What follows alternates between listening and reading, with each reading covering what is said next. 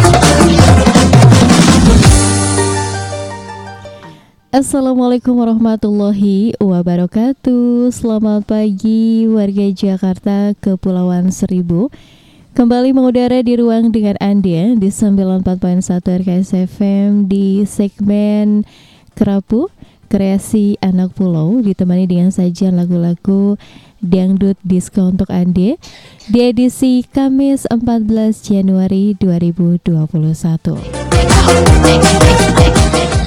Pendengar setia di mana pun Anda berada, baik di utara maupun di selatan, eh, bagaimana kabarnya untuk Anda di pagi hari ini? Semoga kita semua masih dalam keadaan sehat selalu dan semangat beraktivitas ya. Walaupun mungkin agak kurang mendukung ya cuacanya gitu kan, karena saat ini wilayah Kepulauan Seribu bagian utara uh, mendung dan gerimis ya. Uh, dan mungkin di bagian selatan juga sama ya.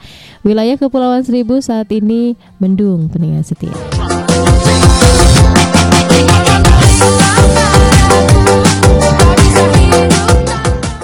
Pendengar setia radio podcast di mana pun Anda berada, Santi hadir dengan beragam informasi terupdate dan beberapa artikel seputar info olahraga pagi untuk Anda. Dan seperti biasa, bagi Anda yang mau ikutan bergabung via Facebook, Santi tunggu ya. Bagi yang mau kirim-kirim salam, yang mau request lagu atau uh, berbagi informasi atau mungkin hanya sekedar like status Santi di beranda RKS Kepulauan Seribu.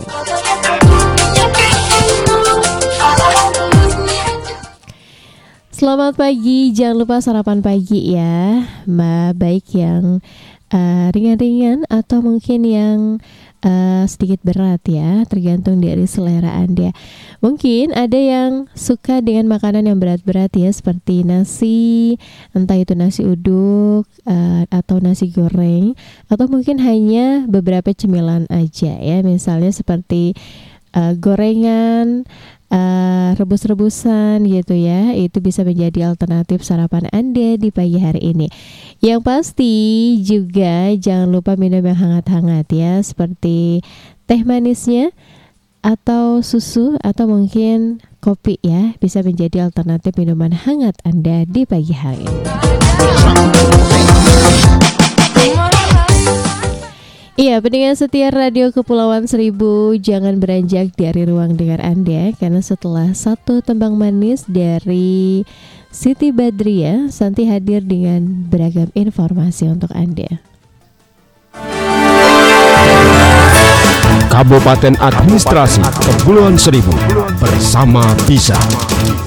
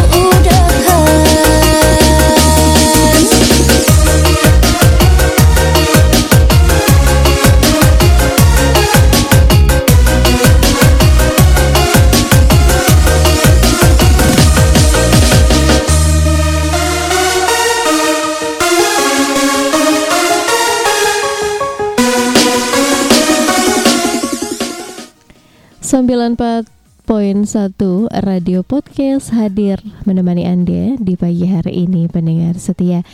Info berita jakarta.co.id mewakili perjumpaan kita di pagi hari ini. Perkembangan COVID-19 di Jakarta per 13 Januari 2021. 599 kasus adalah akumulasi data dari RS BUMN.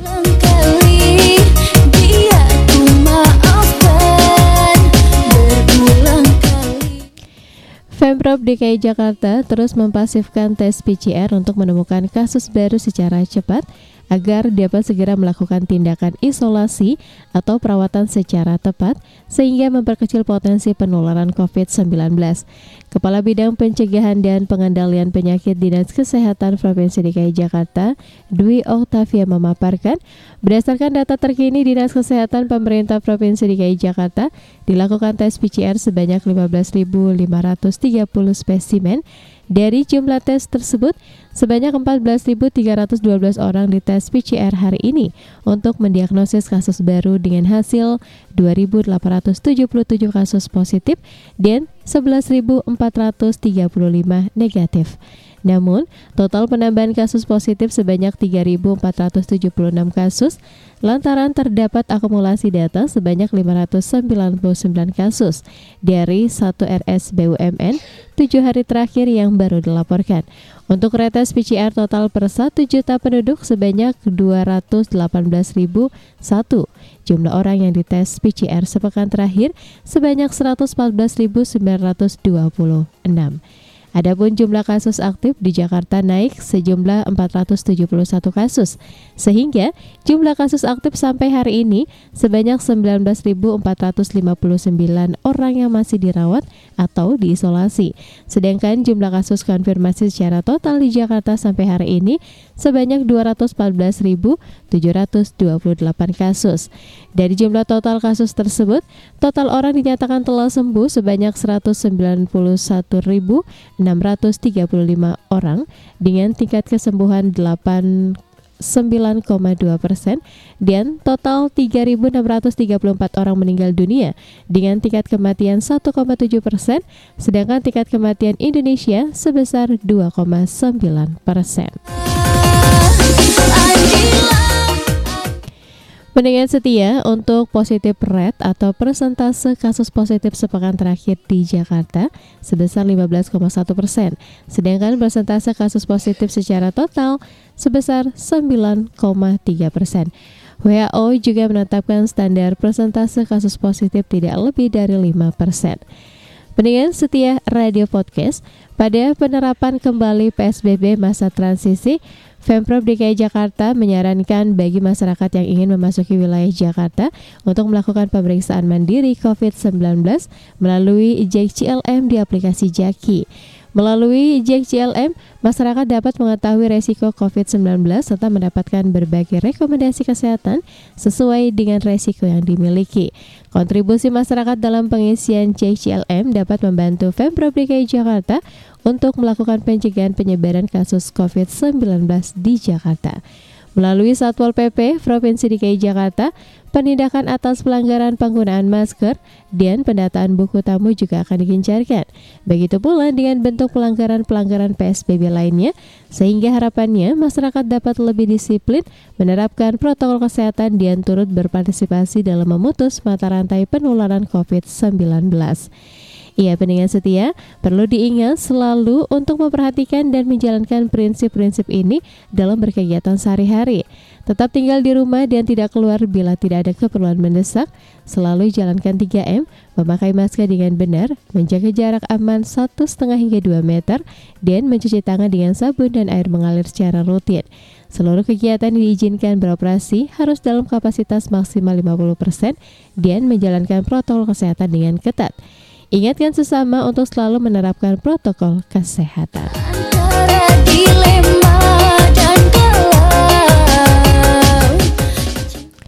Pendengar setia radio podcast itu dia informasi terupdate dari berita jakarta.co.id seputar perkembangan COVID-19 di Jakarta per 13 Januari 2021. Iya, dari berita jakarta.co.id kita beralih ke info olahraga pagi kali ini dari dalam negeri pendengar setia. Timnas Indonesia U19 berpeluang dapat prioritas vaksin. Info olahraga terupdate untuk Anda dari cnnindonesia.com. tapi masih sayang Pendengar setia, Kementerian Pemuda dan Olahraga membuka kemungkinan Timnas Indonesia U19 menjadi bagian dari prioritas vaksin COVID-19 dari bidang olahraga. Menpora Jainuddin Amali mengatakan prioritas vaksin ditunjukkan kepada cabang olahraga yang atletnya bakal mengikuti turnamen di 2021. Jika tidak ada perubahan, Timnas Indonesia U19 bakal mengikuti Piala Asia U19 di Uzbekistan 3 hingga 20 Maret mendatang. Setelah itu, disusul Timnas Indonesia U16 di Piala Asia U16 pada Maret hingga April. Sementara Timnas Indonesia U23 dan Timnas Senior baru akan berlaga pada akhir paruh kedua 2021 mendatang. Untuk semua atlet dan ofisial yang dalam waktu dekat akan mengikuti kejuaraan atau turnamen, kami upayakan untuk bisa diprioritaskan. Yang akan menentukan siapa duluan adalah kegiatan yang segera akan diikuti, kata Menpora. Menpora disebut sudah menyerahkan data atlet dan cabur yang akan mengikuti kegiatan di 2021. Dari data tersebut, Kementerian Kesehatan tentu akan mengetahui siapa yang pantas diprioritaskan mendapatkan vaksin. Yang jelas, yang akan melakukan kegiatan bukan cuma timnas U16, U19 dan U23 saja, sebut Menpora. Sampai saat ini masih menunggu keputusan dari Konfederasi Sepak Bola Asia menyoal kelanjutan nasib Piala Asia U19 di Uzbekistan. Kepastian bergulirnya Piala Asia U19 menjadi pertanyaan setelah FIFA memutuskan untuk membatalkan Piala Dunia U20 2021. Seperti diketahui pendengar setia radio podcast, Piala Asia U19 merupakan ajang kualifikasi zona Asia untuk Piala Dunia U20 uh, U20.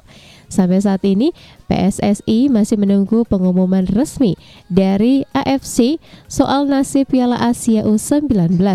Adapun kami akan menghormati dan menghargai keputusannya, kata PLT Sekjen PSSI Yunus Nusi kepada cnnindonesia.com.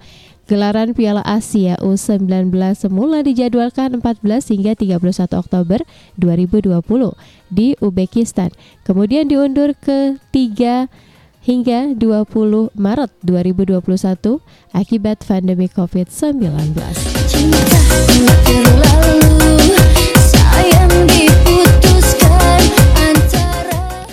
Pendengar setia dikutip dari News Trace Times, Sekretaris Jenderal AFC Datuk Windsor Paul mengatakan bakal memutuskan kepastian penyelenggaraan Piala Asia U16 dan U19 pada Senin mendatang. Namun hingga kini belum ada keterangan resmi mengenai perhelatan dua ajang kelompok umur tersebut. Beberapa waktu lalu, Federasi Sepak Bola Yaman sempat mengumumkan pembatalan dua jadwal kegiatan AFC tersebut. Bubaran, tapi Pendengar setia radio podcast itu dia informasi uh, olahraga pagi Santi hadirkan untuk Anda seputar Timnas Indonesia U19 yang berpeluang dapat prioritas vaksin. Ya, dua informasi sekaligus sudah Santi hadirkan untuk Anda mengawali perjumpaan kita di pagi hari ini. Kabupaten Administrasi Kepulauan Seribu bersama bisa.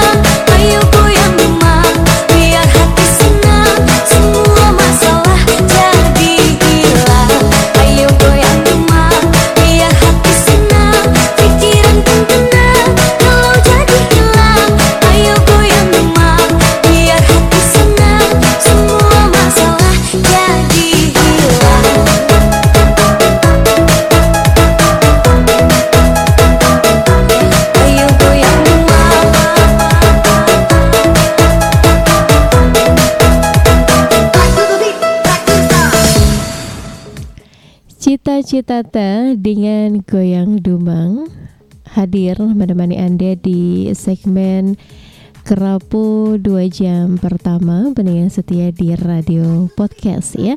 Selamat pagi kembali untuk Anda. Semoga aktivitasnya berjalan lancar hingga saat ini. Lagu-lagunya asik banget nih untuk Anda dengerin di pagi hari sambil sarapan pagi, sambil goyang jempol-jempolnya gitu ya. Atau mungkin yang sudah beraktivitas sambil beraktivitas sambil dengerin radio podcast untuk Anda. Pendengar setia di mana pun Anda berada, selamat pagi untuk karyawan karyawati Pemda Kabupaten Administrasi Kepulauan Seribu. Untuk uh, karyawan karyawati Kelurahan Kecamatan Utara, kemudian Kecamatan Utara dan Selatan, kemudian untuk yang ada di RSUD Pulau Pramuka, yang ada di Puskes, Puskesmas Kepulauan Seribu, dan untuk semuanya aja yang saat ini sedang bertugas di hari ini.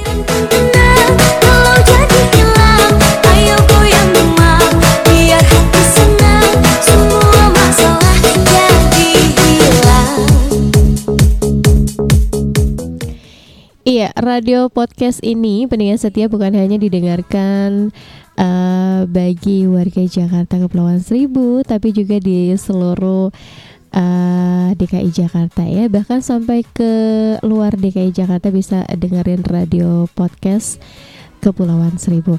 Iya, pendengar setia radio Kepulauan Seribu di mana pun anda berada. Informasi berita Kepulauan Seribu Santi hadirkan untuk Anda dimulai dari informasi yang pertama Kabupaten Kepulauan Seribu dukung proses data pemilihan berkelanjutan.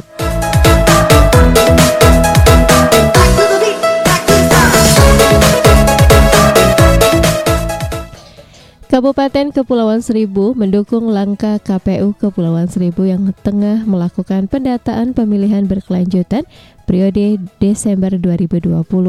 Hal itu disampaikan Sekretaris Kabupaten Administrasi Kepulauan Seribu Erik Falepi Jakaria Lumbun saat mengikuti rapat pleno data pemilihan berkelanjutan periode Desember 2020 yang dilakukan secara virtual.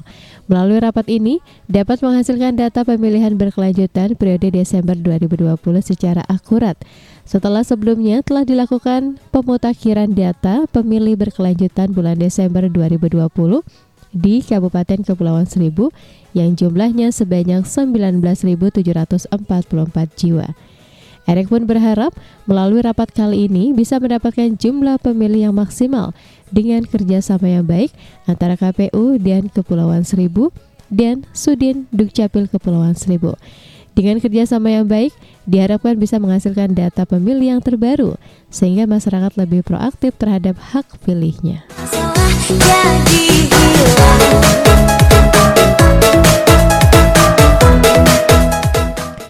Informasi selanjutnya masih dari berita Pulau Seribu.jakarta.co.id Rembuk RW di Kelurahan Pulau Panggang hasil 76 usulan.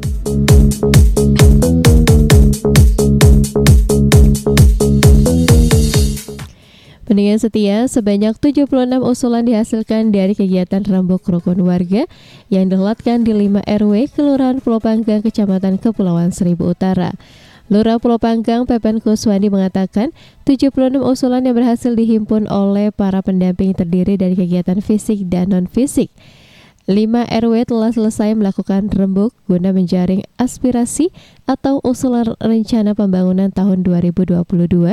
Usulan terbanyak diajukan di RW 04 dengan 26 usulan. Pepen mengatakan usulan kegiatan fisik antara lain perbaikan jalan di lingkungan permukiman, pembangunan stadion mini di Pulau Pramuka, dan pembangunan kolam labu. Sedangkan kegiatan non-fisik yang diusulkan yakni pelatihan bagi warga untuk meningkatkan kesejahteraan. Usulan itu akan dibahas dalam Pramusrenbang Kelurahan pada awal Februari mendatang.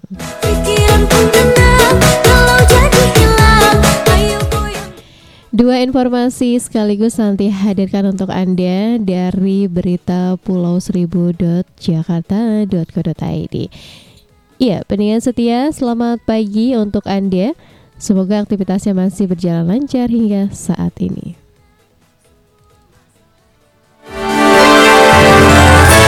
Kabupaten Administrasi Kepulauan Seribu bersama Bisa.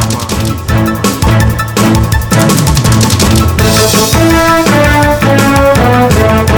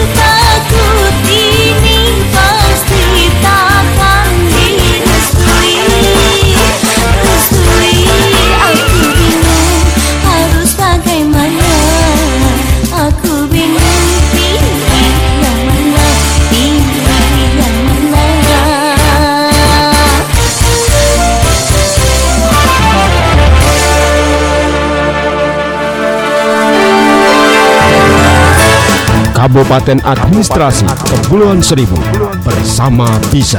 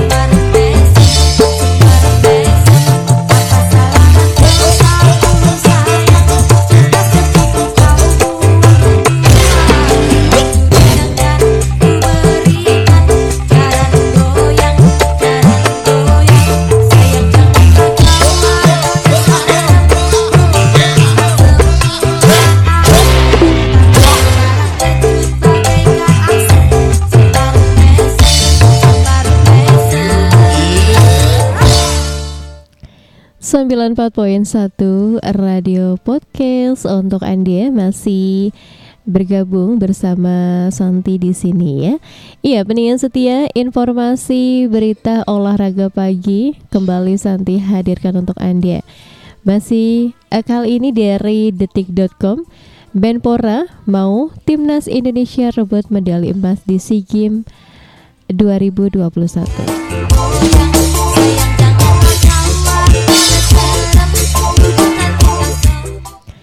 Menpora Jainuddin Amali berharap timnas Indonesia bisa meraih hasil lebih baik di SEA Games 2021. Meski sebenarnya belum ada target resmi dari pemerintah. Adapun timnas Indonesia pada kesempatan sebelumnya keluar sebagai runner-up karena kalah dari Vietnam pada babak final. Tim asuhan Indra Sapri saat itu kalah telak dengan skor 0-3. Cuma medali emas yang belum bisa diraih timnas Indonesia di SEA Games sejak terakhir kali mendapatkannya di 1991. Pada edisi 2021 diharapkan menjadi pelepas dahaga. Kalau dari saya target ada dua, ada peningkatan peringkat dari SEA Games tahun lalu, harus diupayakan sepak bola meraih emas, kata Jainuddin Amali dalam pembincangan dengan Warta Vita Jom. Nah, kami sedang menghitung untuk mencapai arahan saya itu. Tapi untuk sekarang masih dalam tahap komunikasi. Ujarnya menambahkan, Pemerintah nantinya akan memasang target resmi buat masing-masing cabur, termasuk sepak bola. Untuk saat ini, target medali emas itu hanya keinginan pribadi Jainuddin Amali. SEA Games 2021 akan dilaksanakan pada 21 November hingga 2 Desember di Vietnam. Sepak bola biasanya akan memainkan laganya lebih cepat di setiap penyelenggaraan SEA Games. Sampai sekarang kami masih belum, tapi di Kemenpora kami buat kalkulasi dari yang dipertandingkan. Kami melihat mana yang punya potensi. Kami belum bicara cabur per cabur, tutur Jainuddin Amali. Tapi saya minta deputi prestasi untuk menghitung dan saya harap ada perbaikan peringkat. Dapatnya bisa posisi apa setelah berbicara dengan masing-masing cabur. Kesanggupan cabur dan target-target juga ada. Timnas Indonesia U23 sudah menggelar persiapan SEA Games 2021 lebih awal dengan memanggil 36 pemain. Latihan itu dipimpin langsung pelatih Shin Taeyong yang digelar di Jakarta pada 21 hingga 31 Desember 2020.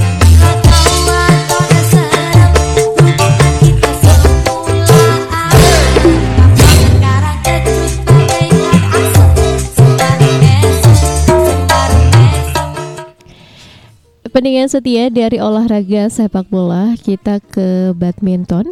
8 wakil Indonesia di 16 besar Yonex Thailand Open.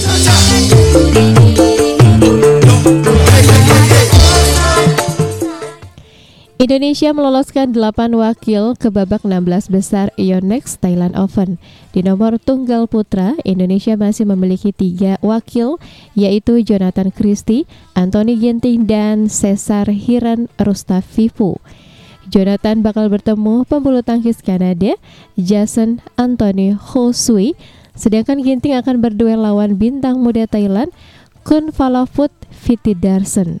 Duel yang lebih besar akan dihadapi oleh Cesar saat ia berjumpa unggulan kedua John Tessian. Pada nomor ganda putra, satu tiket ke babak perempat final sudah diamankan lewat duel Fajar Alfian, Muhammad Rian Ardianto melawan Leo Roli Karnado dan Daniel Martin. Muhammad Asan, Hendra Setiawan yang merupakan unggulan kedua akan berhadapan dengan ganda putra India, Satwika Sairas dan Cirat Seti. Di nomor ganda putri, Grecia Poli dan Apriani Rahayu jadi satu-satunya wakil yang tersisa. Grecia Apriani bakal berupaya menjaga harapan meraih gelar di nomor ganda putri saat berduel melawan Puteta Supajirako dan Saparije Tera Tanacai.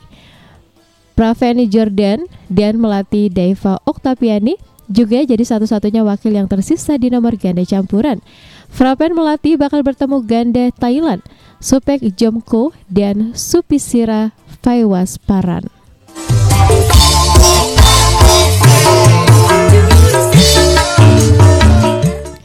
Pendengar setia radio podcast di mana pun Anda berada, dua informasi olahraga pagi Sudia Santi hadirkan untuk Anda.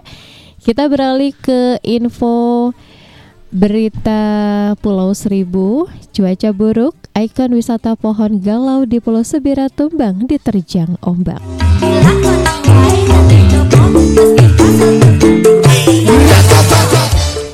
Pendengar setia, pohon galau setinggi 15 meter yang merupakan ikon wisata di Pulau Sabira, Kelurahan Pulau Harapan, Kecamatan Kepulauan Seribu Utara Tumbang diterjang ombak. Lurah Pulau Harapan Adi Afandi mengatakan pohon galau di tengah laut sebelah barat Pulau Sabira tumbang pagi tadi, usai diterjang ombak yang sangat besar. Ya benar, pohon galau tumbang akibat ombak barat laut yang sangat besar, kata Adi. Adi menjelaskan, Proses evakuasi pohon galau melibatkan suku dinas penanggulan kebakaran dan penyelamatan Sektor 7 Kepulauan Seribu Utara yang ada di pos jaga Pulau Sabira. Personel Sudin Gul Karmat akan melakukan proses evakuasi usai cuaca kondusif. Sementara itu, Ketua RW 030 Sabira Kelurahan Pulau Harapan Muhammad Ali Kurniawan menambahkan, ombak besar dan angin kencang menerjang pantai hingga menumbangkan pohon yang merupakan ikon wisata. Tumbangnya pohon terjadi pukul 8.48 waktu Indonesia Barat karena gelombang tinggi dan tidak hanya pengamanan tanggul di sekitar pohon galau. Ali berharap segera dibangun ikon wisata baru sebagai pengganti pohon galau sehingga menjadi daya tarik baru wisatawan di Pulau Sabira.